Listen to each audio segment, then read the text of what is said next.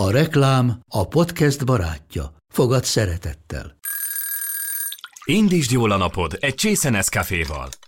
Élvezd minden reggel a gondosan pörkölt kávészemek telt ízvilágát, az Európában 100%-ban felelős forrásból származó kávéból készült Nescafé klasszikkal. Tudj meg többet fenntarthatósági törekvéseinkről a nescafé.hu oldalon. Nescafé. Új lehetőség minden csészében. Ez reklám volt, jó volt. Kedves hallgatók, most folytatjuk a beszélgetésünket a BTK Történettudományi Intézetének tudományos munkatársával, Turbuc Dáviddal, Horti Miklósról.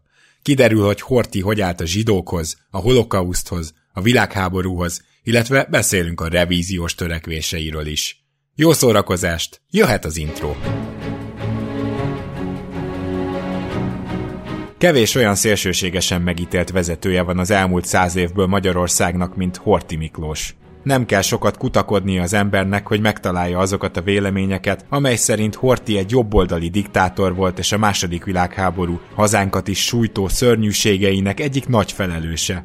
De közben nem kell messzire mennünk olyan vélemények után sem, amelyek szinte vallásos tisztelettel emlegetik, és történelmünk elmúlt száz évének utolsó nagy alakjaként hivatkoznak rá. Vajon mi a mitosz és mi az igazság vele kapcsolatban? Milyen volt az ő uralma egy történész szemén keresztül? Mennyire volt radikális, milyen hatáskörei voltak, és miben terheli felelősség? Hogyan került hatalomra, és miként volt több mint húsz évig kormányzó? Hogyan épült kultusz köré már a megválasztásakor? A tények alapján mit tudunk megállapítani? És milyen az, ha nem az emlékezett politika szemüvegén át vizsgáljuk őt? Ez az Itt és Akkor podcast. Rédai Gáborral és az idők nagy kalandoraival. Amit mondunk, az történelem. A hortiféle revizionalizmusról beszélünk egy picit, őt revizionalista politikusnak, vagy hát ilyen szempontból, hogy a kormányzónak írták le. Én biztos vagyok benne, hogy amikor Trianon bekövetkezett, és kicsit gyászba borult az ország, valószínűleg lélekben is, akkor az mindenképpen alapvetően már egy szimpatikus kiindulási pont volt, hogyha valakinek a hosszú távú politikai célja között az szerepelt, hogy azért legalább a közvetlen magyar lakta területeket azért volt ebből is bőven, tehát tudjuk, hogy nem teljesen nemzetiségi határok szerint nyiszálták le az országot, hogy azt legalább visszavenni, és hát ugye Hortinak, ha jól tudom, akkor voltak is ilyen irányú hosszú távú törekvései. Igen, hát Trianon kapcsán a, nyilván sok mindent el lehet mondani, de az egyik legtragikusabb, legfelháborítóbb tényező az, hogy maguk a győztesek nem tartották be azt, amit ők hangoztattak, hogy nemzetiségi etnikai elv alapján. Elég csak a térképre ránézni, és akkor már máshol húzódnának a határok, vagy húzódtak volna, és körülbelül az 1938-41 között négy lépésben megváltozott határvonal mutatja azt, hogy hogyan lehetett volna igazságosabb. Most persze ide rögtön kapcsolódik az, hogy Adolf Hitler nevű ember, vezető döntött arról, hogy ezek a területek visszakerülnek. Na csak igen, csak ez azért is fontos, mert az, hogy Magyarország a németekkel kezdett együttműködni, majd az ő oldalukon lépett be a háborúba, annak az egyik legfontosabb indoka pont az volt, hogy ezt a revizionista politikát őtőlük reményt, remélték a beteljesítését, úgymond. Igen, Horti fővezérként is már 19 őszén, még be se vonult Budapestre, de Siófokon már olyan terveket szőtt, és ezt le is írta, hogy hogyan kell majd a csehszlovákokkal, a délszlávokkal és a románokkal háborúzni. A románokat tartotta a legelősebbnek, tehát őket hagyta volna végére. Ez kétségtelen, hogy Horti politikai programja, aminek az ő esetében mondjuk túlzás, ha így fogalmazunk, mert nem volt, tehát ő sose írta le azt, vagy mondta el, hogy hogyan látja az országot 5-10-20 év múlva. Egyszerűen azért, mert a haditengerész tiszti pályafutása, képzettsége nem tette lehetővé, hogy ő a közoktatásról, a földkérdésről, a költségvetésről és csomó mindenről releváns álláspontot alakítson ki, mert nem értett hozzá. Érettségiesen volt 1937. novemberében egy küldöttségnek elismerte, hogy alig ismeri a magyar történelmet. 37. 17 éve kormányzó, Aha. és alig ismeri a magyar történelmet. És amit elmondott nekik, Mátyás király és uh, talán Rákóczi kapcsán, hát, uh, ott is erről ugye is van egy feljegyzés. Ja, és érződnek a hiányosságok. Ez csak Azért mondom, hogy Hortit ne úgy képzeljük el, mint egy távlatosan gondolkodó, részletes programot kidolgozó embert, ez mindig a miniszterelnökök feladata volt. Ők mondták el a parlamentben, a sajtótájékoztatókon, a interjúkban, hogy hogyan gondolkodnak az országról. Ezzel alapvetően Horti egyetértett, mert hát ő nevezte ki őket, és miniszterelnököknek őt tájékoztatni kellett. Ő egy vezető volt akkor tulajdonképpen. Szerintem inkább egy szimbólum volt az ország szimbólum, élén, aha. akinek volt komoly hatalma. Sokkal nagyobb hatalma volt, mint amiről itt néhány perc ezelőtt beszéltünk. Tehát Igen. törvényekben volt szabályozva, de annál nagyobb tekintélye, befolyása volt. De ennek ellenére kétségtelenül tetten érhető az, hogy szerette volna visszaszerezni legalább igen, a közvetlen igen, igen, tehát, a területeket. Ezt a kitérőt csak azért tartottam fontosnak, hogy az ő politika elképzelései ténylegesen néhány pontra szűkültek le, amiről ténylegesen beszélt, és ez fontosnak tartotta. Ilyen volt az, hogy legyen rend, rendpártiság stabilitás, nem lehet forradalom, stb. Erről a szélső bal és a szélső jobb oldal kapcsán beszéltünk. Ilyen az antibolsevizmus, ami összefügg az előző ponttal. És ilyen a revízió, az irredent a törekvések. Ez volt a legfontosabb. A politikai stabilitás, a rendpártiság, vagy egyfajta ilyen militáns szemlélet mellett. Az antibolsevizmus ezekkel összefügg, de az antiszemitizmus viszont nem volt olyan központi szerep. Aha.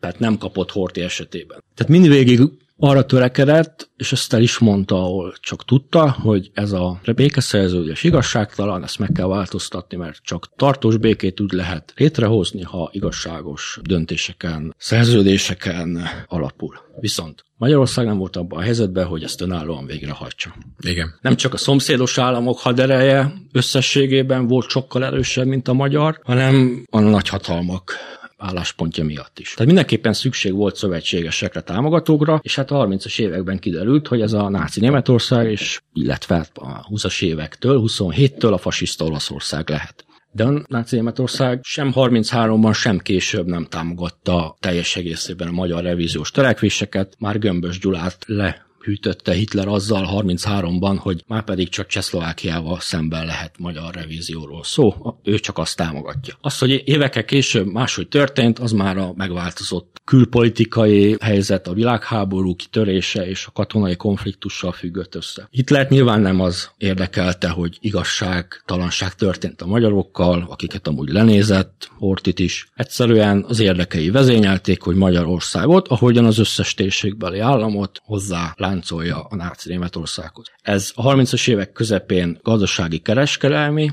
téren kezdődött, magyar mezőgazdasági termékeket felvette a német piac, is leegyszerűsítéssel. Ez történt, és a németek ellenszolgáltatásként hadianyagot, jelen technikai felszerelést hoztak, amikor hoztak. Tehát itt egy komoly adósság alakult ki éveken belül a Németország részéről. Nem tartották be a szerződésbe leírtak. Tehát ez is jelzi a két ország erőviszonyait. És az Anschluss, tehát Ausztria Németországhoz csatlakoztatása 38 márciusában, ezt követően a politikai befolyás is egyre érezhetőbbé válik. Majd az első bécsi döntés, a felvidék déli részének visszacsatolása után pedig már kézzelfogható lett, mivel a németek Hitler elvárásokat fogalmazott meg egyre inkább Magyarország a magyar kormánya szemben. Tehát ennek ára volt. Aha, értem. Nem, nem, volt, nem ingyen volt. Nem a igazságtétel vezette, még egyszer mondom Hitlert, ez, ez nem érdekelte. Német viszonylatban igen, nyilván de magyar viszonylatban ez őt nem, nem mozgatta meg különösebben, viszont tudta, hogy ezáltal a magyarokat, sőt a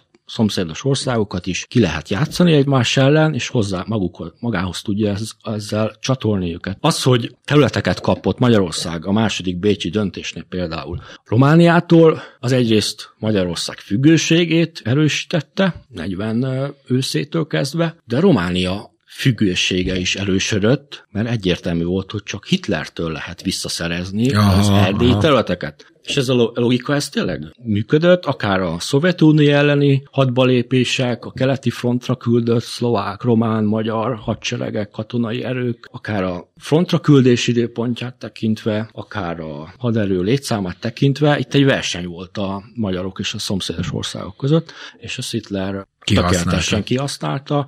De Horti egyébként ezt sikersztorinak könyvelte el, már mint hogy ő neki mégiscsak ez volt a legfőbb célja, és ezek szerint azért nagy áron, tehát azért mondhatjuk, és ezt valószínűleg ő is akkor is látta, hogy nagy áron, de többé-kevésbé teljesült. Igen, és abszolút sikernek látta, láttatta, mert hogy ő tudatosan törekedett arra, hogy az ő nevéhez kapcsolódjon. Ezek a sikerek. Tehát az első bécsi döntés után Komáromba, Kassára vonul be Fehérlovon, a második bécsi döntés után több erdélyi városba, Kárpátalja esetében 39 március közepén, mivel ott katonai hadmozdulatra is sor kerül, néhány napos hadmozdulatra, ott erről nem volt szó, de ott is megjelent, csak nem voltak ünnepségek, és a délvidék, ami meg már egy ténylegesen háborús konfliktus, ott sem volt bevonulás, bár július végén volt Szabadkán egy ünnepség, de az egyértelműen elmaradt akár a felvidéki, akár az északerdélyi bevonulások. Ez abszolút az ő prioritásai közé tartozott, és tényleg törekedett arra, hogy az ő személyéhez kötődjönek minél inkább ezek az eredmények, ami összefüggött azzal is, hogy a személyek körül kialakult, és már az első világháború végét, illetőleg a bolsevik diktatúra bukását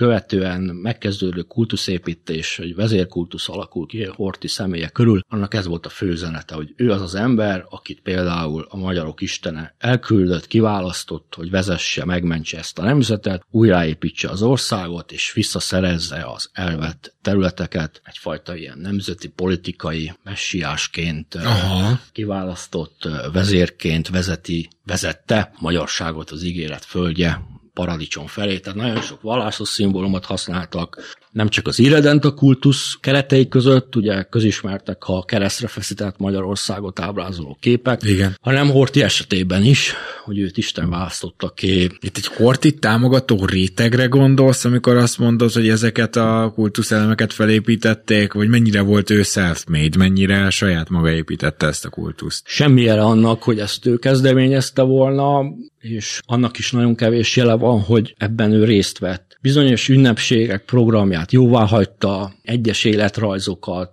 a megjelenését, publikálását engedélyezte, de ezekből nincs sok példa, és azért egy 25 éven át tartó jelenségről van szó. 1919-től őszétől 44 őszéig, bár ennek vannak szakaszai, meg változott az intenzitása. De a lényeg, hogy ez egy hosszú időszakon át létező jelenség volt, ami azért fontos, mert ehhez képest viszonylag kevés az olyan példák száma. Mondjuk egy Hitler vagy Stalin, most ezek nyilván szélsőséges példák. Persze, értem. Hortit semmiképpen sem lehet hozzájuk hasonlítani. Ők nagyon belefolytak az imázsépítésbe, vagy a kultuszépítésbe. És Horti pedig nem. Hortit ez nem érdekelte. Viszont elfogadta. Uh-huh. Tehát egy hiú, hiú, hiú ez... ember volt, most nem tiltakozott ez ellen, ő ezt elfogadta, ez, ez eljátszotta azt a szerepet, tehát a fehér lovas bevonulás Budapestre 19 novemberében, vagy a első-második Bécsi döntés után, vagy a, a számtalan közszereplése, ami összefüggött a kultuszépítéssel, azt ő el, eljátszotta. És ha akár egy interneten, akár bármilyen könyvben megnézzünk egy fotót Hortiról,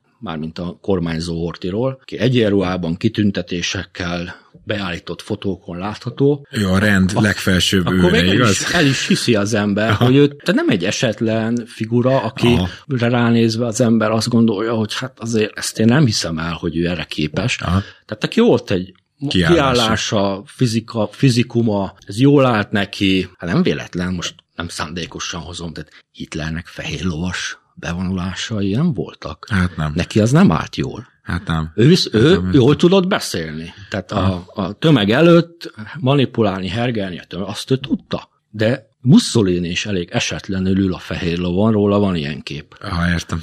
Most egy Pilsudski vagy egy Franco, meg Horté, nekik ez jól állt. Igen. A fehér ló meg nyilván az honfoglalás Árpád vezérre, tehát a magyar történelm korábbi szakaszára is utal, ezt tudatosan játszották ki. Tehát, Na jó, de honnan jött a kultusz? Bocsáss meg csak, hogy ezt ne kerüljük ki ezt a kérdést akkor a nép körében épült ez a kultusz, vagy azért voltak olyan politikai erők, amik ezt építették, mert például Hitlernek volt egy göbbelsze, tehát hogy ott voltak úgymond már a szakmáját megelőző marketing szakemberek, bocsánat, hogy ezt a szót használom, akik építették ezt a kultuszt. Igen. Minden ilyen politikai kultusz, vezérkultusz, és azért a két világháború között minden országban volt Európában. Igen tehát még Churchill körül is kialakult, Igen. egy demo, vagy Masaryk, Csehszlovákia elnöke körül is kialakult. Tehát, hogy akkor ányaljuk ezt a képet, nem csak Mussolini, Hitler és a szovjet típusú kultuszok esetében Stalin, hanem Pilsudskinak is volt, Frankónak, Salazarnak Portugáliában. Hát Salazar sem volt egy katonai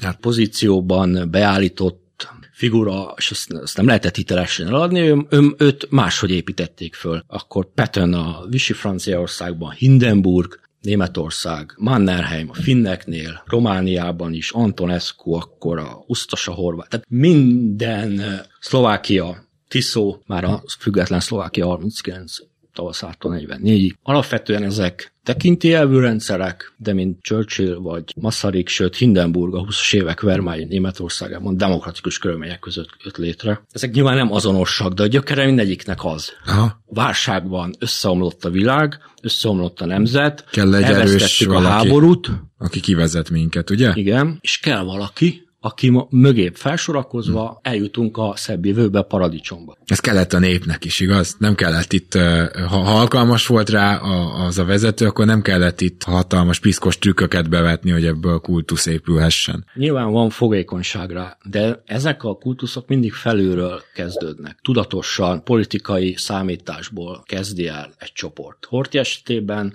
a jobboldali radikális tisztek Gömbös Gyuláig kezdték már Szegeden 19-ben. Értem. Még, még létezik a bolsevik diktatúra, de Horti körül már egy új honfoglaló vezér, aki Árpádként vezet minket, már akkor megjelent. Persze, csírájában, és ez 10-20 év múlva aztán sokkal de nagyobb dimenziókban működött. De hát ez milyen De ez ott extra? kezdődött. Igen, de milyen extra, hogy egy már akkor inkább szélsőjobboldalinak mondható irány tűz így a pajzsára azt a hortit, akiről szerintem az eddig hallottak alapján kimondhatjuk, hogy ugyan konzervatív, meg rendpárti, de azért szélsőjobboldalinak nem hát, Hát, nevezném a beállítottságát, mondjuk így Itt lehetne persze a definíciókon lovagolni. lovagolni, gömbösék inkább jobboldali radikálisok, uh-huh. és a szálasiek mondjuk a totalitárius jobboldalnak a képviselői, tehát a, nem a nácizmus hazai megjelenítői, mert bár sok hasonlóság, de különbség is volt köztük. Ez most megint egy külön téma. Azért Gömbös és Szálasi nem azonos figura. Értem. Ettől Gömbös nem lesz. Persze a kormányának vannak a gazdasági válságkezelésben egyértelmű érdemei, de hát a politikai céljának is egy diktatúra volt. Csak ő nem egy náci típusú, hanem most megint leegyszerűsítve egy fasiszta típusú rendszert Értem. akart, ami azért nem ugyanaz. Ami azért nem ugyanaz. Horti a első világháború után radikalizálódik Értem. és egy csomó területen, akár a fehér terrort illetően, ő igenis keményen, határozottan a zsidó bolsevizmus ellen fel kell lépni, akár így ezt a vonalat képviselt. Tehát akkor azért Az összeomlás, a karrierjének a össz, befutcsolása, a vége, az a trauma, amit több millió embernek valahogy fel kellett dolgozni. Tehát ő elég magasról esett le, Igen. Horthy. Az az idegen megszállás, a bolsevik diktatúra is sorolhatnám, még egyszer, amikről a beszélgetés korábbi részén volt szó, az radikalizálja. Uh-huh. Már akkor nem tesz különbséget a Károly Mihály és a Kumbréla között, azben egyértelmű különbségek vannak. És az egész időszakot egy zsidó összeesküvésnek látja. Erről is beszéljünk. és ezt később is így látta, tehát összemosta a dolgokat, és radikalizálódott a katonai diktatúra bevezetésének a terve is ezzel függ össze. Aha. A kultuszépítés is, ez az autokrata militáns vezérképe, ami akkor a korszak elején kialakult körülötte, aki tetemre hívja Budapestet, a magyar fővárost, és akár nagyon erélyes, kemény eszközöket is alkalmaz, az ez, ez, ez, ez, ezzel összefügg. Viszont a 20-as évek első felében Betlen István miniszterelnök kinevezését követően ő eltávolodik a radikális jobból. Na, ez is érdekes. Aha. Egyrészt lenyugszik, ez a háborús pszichózis, már bizonyos értelemben ez volt az ő esetében, vagy a gömbösék esetében, az megszűnt, illetőleg abból kikerült, lenyugodott, konszolidálódott, és rájött arra, hogy bár ő nagyon szimpatizál a gömbösékkel, akár az antiszemitizmust, akár sok más nemzeti nacionalista ügyet tekintve, érzelmileg egy velük érez, de Betlennek van igaza. Ó, értem. És Hortinak ez a legnagyobb kormányzói teljesítménye vagy érdeme, uh-huh. hogy erre rájött. Uh-huh. És utat adott Betlennek, és gömbösékkel szemben, mert ugye gömbösék 23 nyaráig a kormánypártban voltak. És az, hogy onnan őket Betlen ki tudta tenni, illetőleg ők maguk kiléptek, de hát ahhoz sokat tett hozzá a miniszterelnök Betlen István, és maga a kormányzó is, az jól jelzi azt, hogy ugyan szimpatizált velük a kormányzó, de tudta, hogy Betlennek Mi történt 36-ban, amikor gömbösék visszajöttek a... 32-ben jött vissza. Ja, már 32-ben visszajött, Ö, jogos, igen. Tehát Hortinak ez a leg, szerintem a legnagyobb érdeme, hogy betleni konszolidációnak utat engedett. Bizalmát szavazott a miniszterelnöknek, és a Betlen gömbös konfliktusban mindig végig kitartott. Kisebb megingásokkal, de ahogy telt az idő, egyre inkább Betlen mellett. Nem a Horti konszolidálta Magyarországot, hanem Betlen. hanem Betlen, ez Horti kevés lett volna, egyszerűen nem volt meg hozzá a képzettsége, tudása, alkalmassága, de ráérzett arra, hogy most nem az érzelmeknek, hanem a reálpolitikának és a realitásoknak a tudomásul vétele lenne a lényeges, és emiatt még azt is elfogadta, hogy Trianon revíziója majd később lesz aktuális, amikor olyan nemzetközi helyzet lesz. Addig ő terveket szőtt. Akkor ez magyarázza azt is, amikor gömbösék visszatérnek, nem? Mert akkor a reálpolitikai helyzet is fordult. Fordulni látszott. Fordulni látszott, de hát ugye mondtam, hogy Hitler már 33 tavasszál, amikor gömbös meglátogatta Berlinbe. Akkor leütötte. Igen. Közölte, hogy csak Csehszlovákiával szemben támogatja a területi revíziót, úgyhogy azért mind Gömbös, mind Horti többet akart visszaszerezni. Tehát 33-tól 38-ig eltelt 5 év, és sok minden megváltozott, tehát nem véletlen, hogy az első Bécsi döntés Csehszlovákiával szemben valósul meg, tehát ott volt érdekazonosság, de persze azt a döntést is sok konfliktus előzte meg a német-magyar viszonylatban. Szóval a kultuszépítés, hogy ezt lezárjam, az felülről kezdődik, Horti radikális jobboldali tisztjei körében, és a, aztán ez később elterjedt, szétterjedt az országban. Az, hogy eltávolodott tőlük a 20-as évek első felében, és a Betlen mögé állt, és neki bizalmat szavazott, az a kultuszára is hatással volt, mert a kultuszépítők köréből a jobboldali radikálisok ugyan nem tűntek el, de háttérbe szorultak, és előtérbe került az államaparátus, ami már ugye a Betlen miniszterelnök irányítása alatt az egyes szakminiszterek rendeletei szerint ünnepelték a születés és névnapjait, különböző évfordulókat, csatlakoztak az egyházak, történelmi egyházak, a hadsereg nyilvánvalóan, de hát ez mondjuk nem meglepő, mert maga a kultusz is ott kezdett el megjelenni, kialakulni, illetve a rendszer, illetve kormánypárti társadalmi egyesületek. Tehát ez lefette a közoktatást, az egyházakat, a társadalom különböző szintjeit, egyre több cikk jelent meg róla a sajtóban, több életrajz, festmény, szobor, közterületeket neveztek el róla, és lehetne sorolni. És hát a csúcspontja az a revíziós bevonulások 1938-ban is. Lám elérte, amit ígért. Lám, rám. Igen, csak hogy nem neki volt ez köszönhető, Uh-huh. Nem csak a, azért, mert a diplomáciai képességei vagy érzéke meglehetősen korlátozott volt Hortinak, hanem mert a tengelyhatalmaknak volt ez a, Persze, a ez tiszta sor. támogatása, akik saját érdekeik mentén rajzolták újra Európa határait. Jó, muszáj rákérdeznem, mert már te is említetted a témát ezzel a zsidó összeesküvéssel, amiben ő hitt, tehát ő antiszemita volt, vagy csak valamilyen zsidó vezetői réteget nem kedvelt. Hogy állt ehhez a kérdéshez? Mert ugye azért azt megfigyelhető, hogy a, nem is a németországi tempóban, de természetesen ugye a magyar zsidók helyzete is a második világháború felé azért egy kicsit romlott, és hát a második világháború pedig tudjuk, hogy mi történt. Ő antiszemitának tartott tartotta magát, ezt többször elmondta bizalmas körben, elsősorban írásos dokumentumokban, levelekben, feljegyzésekben ez egyértelműen kiderült. Miből állt ez nála? A nyilvánosság előtt erről nem beszélt.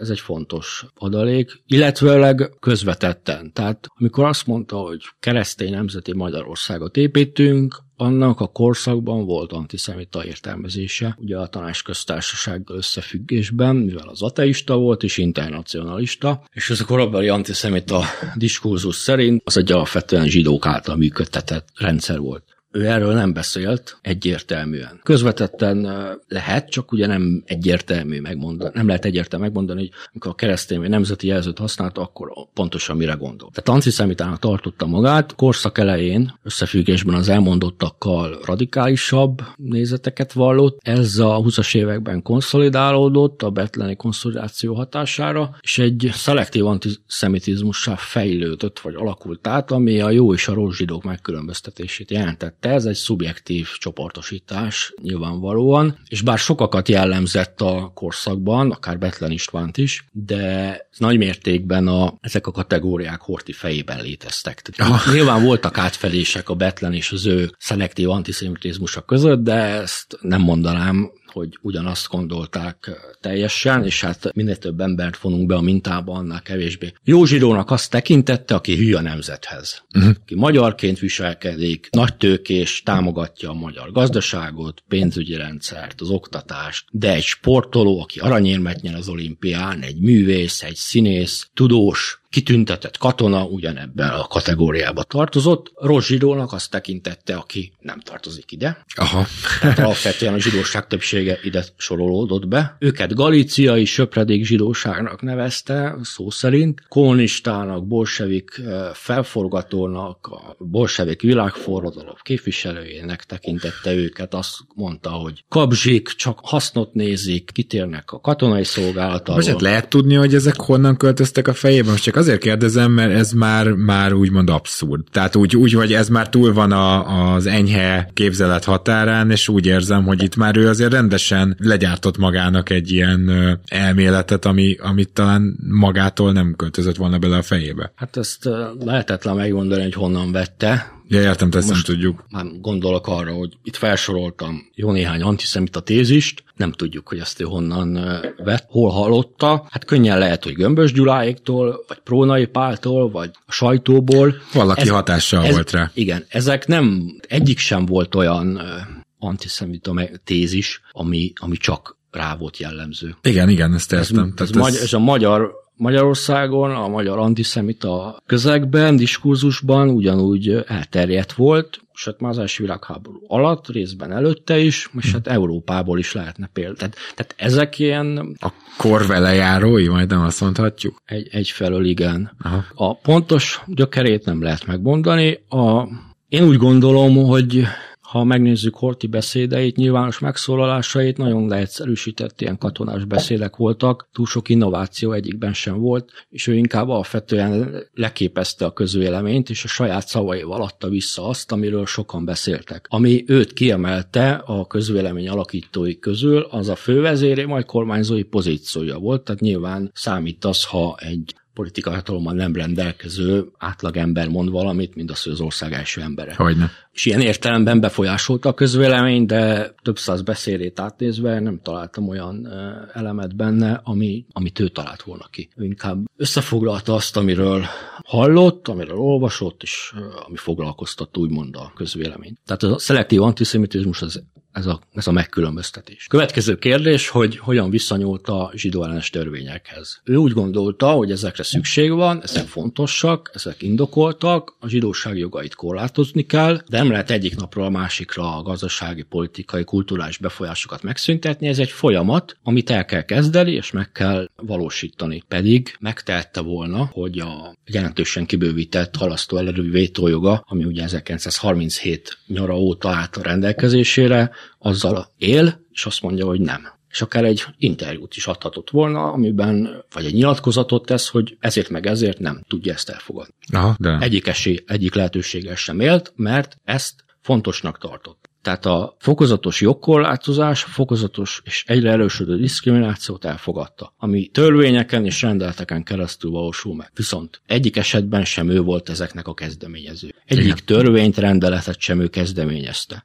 Más a miniszterelnök, miniszter állt a javaslatok mögött. Föl lehet tenni a kérdést, hogy ha ők nem kezdeményezik, akkor mi történt volna? Hát ugye ingoványos talajra lépünk, ha Igen.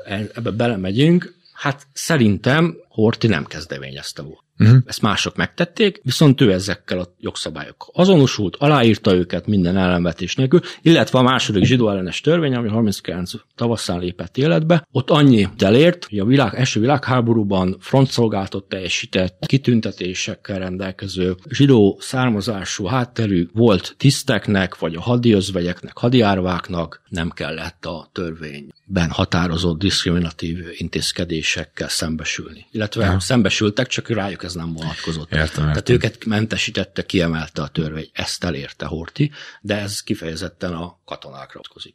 És ha visszagondolunk arra, amit a józsidók kapcsán mondtam, mármint ugye igen, Horti igen, igen, szerinti Horti. józsidó, oda sportolók is tartoznak, tudósok, művészek is, nem látjuk nyomát annak, hogy az ő érdekükben fölépett, Fölépett volna a kormányzó. Horti csak a katona frontszolgálatot teljesített zsidók érdekében lépett föl. És az utolsó kérdés, ami ezzel összefügg, és ami a legtöbb vitát váltja ki, az, hogy a holokausztról mit tudott, és hogy viszonyult hozzá. Az ugye közismert, hogy a deportálásokra a német megszállás után került sor, Addig Horti, illetve Kállai Miklós miniszterelnök a német nyomásnak, erre vonatkozó német nyomásnak ellenállt. 42 folyamán már több ilyen egyértelmű elvárás fogalmazódott meg Berlinből, és ez Tójai Döme, aki miniszterelnök lett a megszállás után, de még azt megelőzően ő berlini követ volt, közvetítette Magyarország kormány a külügyminisztérium felé, meglehetősen lelkesen, tehát ő egy alfett, tehát ő lényegében kis, nem is túlzással, tehát lényegében ő a náci Németország képviselője volt Berlinben Ja. magyar követként. Ezeknek a követeléseknek, elvárásnak, német nyomásnak, zárójel, az addigi zsidóellenes törvényeknél nem volt német nyomás, zárójelbe zárva. Tehát ezt a magyar kormány törvényhozás saját hatáskörben önálló kezdeményezésként fogadta ezeket el, léptette életbe. Nyilván a Nürnbergi törvényeket lehetett ismerni, közvetett nyomás volt, a közhangulat az megváltozott a náci Németország megerősödése hatására, ez kétségtelen. De német nyomás elvárás nem volt se 38-ban, se 39-ben. 42 elejéig nem volt. De 42-től igen, és ez már a gettósítás sárga csillag bevezetésére is vonatkozott, és a deportásokra. Erre Kállai Miklós és Horthy Miklós nemet mondott. Amikor megtörtént a német megszállás, ugye Kállainak távoznia kellett a miniszterelnöki pozícióból, de Horti maradt a helyén, megváltozott a helyzet. Horti legkésőbb 43 tavaszán megtudta Hitlertől, hogy a náci zsidó politika az úgynevezett végső megoldás mit akar. Aha. Itt szintén lehetne sorolni a forrásokat, amik ezt alátámasztják, ettől eltekintenék, akkor már tudta. Hitlertől, és olyan dokumentumok is rendelkezésre állnak, ennyi kivételt teszek, ami Horti kezén egyértelműen átment, vel az ő nevében Hitlernek írt levelekről van szó, vagy a Sztójai Döme miniszterelnöknek 44 foly- folyamán írt leíratról, használta Horti a kiírtás szót, a megs- megsemmisítés szót. Tehát lehetne ennél részletesebben is alátámasztani ezt az állítást, az kétségtelen, hogy tudott róla. 44-ben megtudta. Nem, 43 tavasz. Vagy bocsánat, 43-ban megtudta. Tehát egy évvel a német megszállás előtt. Igen. Azt rögtön hozzáteszem, hogy, van, hogy minden bizonyal nem a ciklon B és a krematóriumok működéséről szerzett ismereteket, hanem arról, hogy tömegesen írtják a, a nácik, SS, az Einsatzgruppék a zsidóságot a keleti fronton, tömeggyilkosságok történtek, és hát a koncentrációs táborok. A részleteket nem tudta, szerintem. De azt, hogy mi zajlik, arról tudnia kellett, ez több irányból is alátámasztható, többek között Hitler ezt egyértelműen elmondta. De a legfőbb bizonyíték az az, hogy a német megszállás után ugye a kormányzó a helyén maradt, és minden területen gyakorolta az államfő jogait, kivéve a zsidóságot érintő döntéseket. Tudta, hogy mi fog történni, tudta, hogy ezzel ő nem tud azonosulni, Aha. mert tényleg nem azonosult, nem akarta őket kiírtani, megsemmisíteni, agyonlőni, elgázosítani, se, ezt nem akarta. De a megszállás miatt úgy gondolta, főleg, hogy Hitler azt mondta neki, hogy ha Magyarország bizonyítja, hogy megbízható szövetséges a náci Németországnak, akkor megszálló német csapatok ki fognak vonulni. Ez egy elég átlátszóan hamis ígéret, ráadásul katona, aki ezt elhitte, igaz már 76. évében volt, de elhitte, ebbe kapaszkodott, és úgy gondolta, hogy ha teljesíti a magyar kormány azt, amit a németek akarnak, elvárnak, akkor ez a megszállás véget ér. Tehát magyarul az ország szuverenitásának visszaszerzése érdekében hozott egy olyan döntést, hogy ebben a kérdésben nem vesz részt, ő ettől úgymond távol marad, ami nem sikerült teljes mértékben, de sok más, akár a hadsereget, akár a Sztolje kormány kinevezését illetően tényleg aktívan részt vett a döntésekben, és Wesenmayer, Edmund Wesenmayer, aki Németország teljhatalmú birodalmi megbízottja volt Magyarországon, tehát lényegében ő került Horti kormányzó mellé, mint a legnagyobb politikai katonai hatalommal rendelkező személy, fajta Hitlernek a követe, Igen. csak érdemi jogkörökkel, saját hatáskörrel. Tehát Wesenmayer arról ír a jelentéseiben, hogy arról panaszkodik, hogy túl aktív a kormányzó, és őt ez zavarja. Értem. Na most aktív volt, csak a zsidóságot érintő, a vidéki zsidóság gettósítása, majd deportálása terén mutatott passzivitást a kormányzó. tudta, hogy ami történik és történni fog, az azzal ő nem tud azonosulni, és ő ez nem adja a nevét. Sztójai Dömének azt írja június elején egy leíratban, hogy ő tudta, és próbálom szó szerint idézni, tudtam a német megszállás idején, teszem hozzá, hogy a zsidó kérdést illetően olyan döntésekre kerül sor, amelyekhez ő nem adhatja a nevét. És különbséget tett a zsidó kérdés magyar és német módra történő megoldása között. Értem. Szóval úgy döntött 44 tavaszán, hogy beáldozhatók a vidéken élő magyar zsidók. Úgymond háború van, ennek vannak civil áldozatai, katonai logika mentén gondolkodott, meg sem próbálta megvédeni a vidéki zsidóságot, lehet, hogy sikerült volna, lehet, hogy nem, de ha nem sikerül, akkor is sokkal más, tehát teljesen más megítélés alá nem a Horti Miklós, mint ami alá esik, vagy legalábbis... Mindenképpen részben esik. Ha most az jutott eszembe, hogy nyilván a politikai közéleti szférában nem feltétlenül esik ilyen megítélés alá, mert hát sokféle az általam elmondottak az teljesen ellentétes értékelések is széles körben elérhetőek, akár az interneten, akár máshol de akkor úgy fogalmazok, hogy a történelmi források, történeti kutatások eredményei alapján kijelenthető, hogy ő tudott arról, hogy mi zajlik Európa németek által megszállt területein, milyen a náci zsidó politika a végső megoldásnak a tartalma, az értelme, a célja. Ezzel ő nem tudott azonosulni, ez fontos kiemelni, de a német megszállás után mégis. Szemet. En, en, szemet hunyt, engedélyezte úgymond idézőjelben, passzivitást tanúsított, mondván, hogy a kormány tegye, amit tennie kell, mert hogy úgy gondolta egészen június végéig, hogy az ország szuverenitásának a visszaszerzés érdekében ezt meg kell tenni. Akkor megváltozott a helyzet, ugye megtörtént a Normandia partoszállás, a keleti fronton a németek helyzete még rosszabb lett. Ő pedig nem, megpróbált kiugrani. Hát az október, néhány hónappal később, nemzetközi tiltakozás alakult ki a magyar deportálások kapcsán, és ezeknek a hatására végül szakított azzal a stratégiával, hogy az ország szuverenitásának visszaszerzése a legfontosabb, és végül leállította július elején a deportásokat. Ha akkor megtette,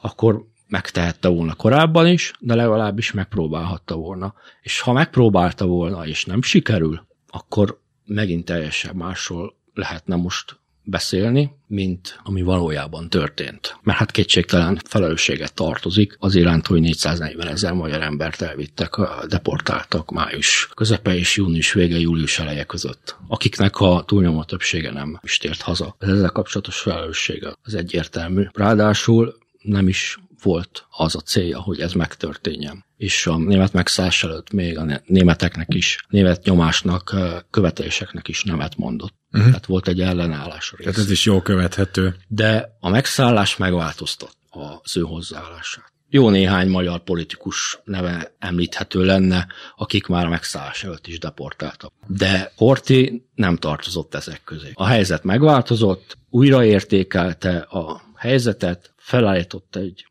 prioritási sorrendet és az ország szuverenitása, ami már a megszállás előtt is elég csekély volt, mivel olyan szintű gazdasági, kereskedelmi, katonai, politikai befolyása alakult ki a 30-as évek végétől addig Magyarországon a németek részéről, hogy szuverenitásról már nehéz szigorúan véve beszélni. Persze, jogilag, lét, nemzetközi jogilag megvolt, de... De nem volt mozgásterünk már akkor. De 41 végétől kezdve már alig volt. Ez már kényszerpálya volt gyakorlatilag. Igen, érdemi mozgástér. Tehát az, hogy a Szovjetunióval szemben hadba lépett Magyarország 41 június végén, az nem lett volna elkerülhető, tehát a hadba lépés az mindenképpen megtörtént volna egyszerűen geopolitikai okokból. De a németek akkor nem vártak el semmit. Lehetett volna még várni. Nem volt német nyomás, nem kellett német megszállástól tartani, semmiféle német kérés nem hangzott el, maximum annyi, illetve ténylegesen csak annyi, hogy önkéntes magyar felajánlást a németek elfogad. Most megtörtént Kassa, Kassa bombázása, Horti tájékoztatta a miniszter, honvédelmi miniszter és a vezérkar főnöke. Érdemi vizsgálat nem történt, legalábbis Horti nem rendelt el. Néhány perc alatt döntött arról, hogy akkor ez háborúsok és Magyarország hadba lép. Ezt közölte a Bárdosi László miniszterelnökkel, aki ezt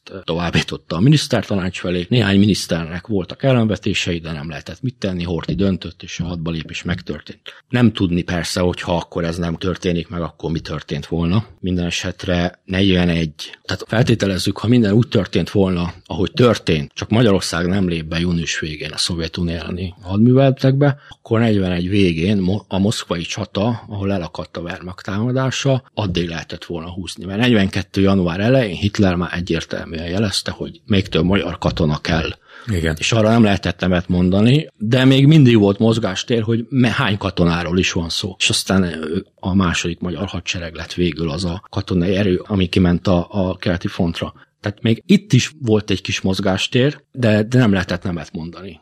Lehetett volna, csak nem volt realitása. Súlyos következmények. 42-43 folyamán érdemi mozgástére Magyarországnak már nem volt. És az igazi tragédia az, vagy az egyik, mert hát nyilván ez a halálos áldozatok számát rengeteg családot érintett, nem csak a magyar zsidóságot, hanem társadalom más csoportjait is. Ugye hat, hat szintére vált az ország, és lehetne sorolni, akár Budapest ostrova kiemelhető tehát az első világháború ellentétben, ahol nem volt hadszintér Magyarország, itt lényegében romba dőlt a teljes magyar állam és a teljes magyar infrastruktúra. Szóval ennek a második világháborús magyar történelmi időszaknak az egyik tragédiája az, hogy bizonyos dolgokat, például az, hogy hadba lép el Magyarország, vagy nem, azt nem lehetett elkerülni geopolitika okokból. Tehát egyszerűen valamire nem, le, nem valahol nem volt mozgástér. De mozgástér mindig volt, csak ennek a mértéke változott konkrét szituációtól függően. És hát alapvetően az volt a magyar politikai katonai elitnek a motivációja, hogy kitartson Németország mellett, mert tudták, hogy csak egy német győzelemmel lehet megtartani a visszaszerzett területeket. Amíg 38-39-ben a nyugati hatalmak még elfogadták határváltozásukat úgy, ahogy nyilván a második bécsi döntést egy eh, háborús helyzetben, úgyhogy Nyugat-Európát a Wehrmacht elfoglalta, arra nem lehetett azt mondani, vagy azt várni a brit kormánytól, hogy majd akkor ezt meg is tartja Magyarország egy szövetséges győzelem esetén. Tehát ez volt a fő motivációja a magyar politikai katonai elitnek, de, de Horti esetében egyértelműen ez látszódik, de sokaknál is. És persze személyfüggő is a kérdés. A revízió csak így volt megtartható. Na, én azt hiszem, hogy itt egy meglehetősen nem sose lehet teljesen teljes képet kapni, de, de egy, egy széles képet kaptunk most Hortiról is, és arról is, hogy hogyan sodródott Magyarország ebben az időszakban, és hogy Hortinak ebben mi az, ami szerepe volt, mi az, ami nem. Úgyhogy Turbusz Dávid, nagyon szépen köszönöm, hogy elfogadtad a meghívást, és azt is, hogy egy picit szerintem sokaknak felnyitottad a szemét, mert Horti megítélése meglehetősen szélsőséges, úgy veszem észre mindkét oldalról, talán most itt középutakat is látunk. Remélhetőleg. Köszönöm a lehetőséget. Kedves hallgatók, mi pedig akkor búcsúzunk egy meglehetősen úgy érzem, hogy súlyos adás után. Ez nem a ilyen jó hangulatú, nem tudom én, ilyen kis könnyű beszélgetés, hanem ez, ez talán olyan, ami után elgondolkozunk. Én is mindenképpen ezt teszem majd. Rédai Gábor ezzel búcsúzik, és természetesen a segédszerkesztő Katona Csaba is, valamint a két producer, Hampuk Rihárd és Román Balázs. Már csak azért is elbúcsúzzunk, mert egyrészt jövünk a jövő héten is, másrészt, amit ma mondtunk, az már történelem. Ha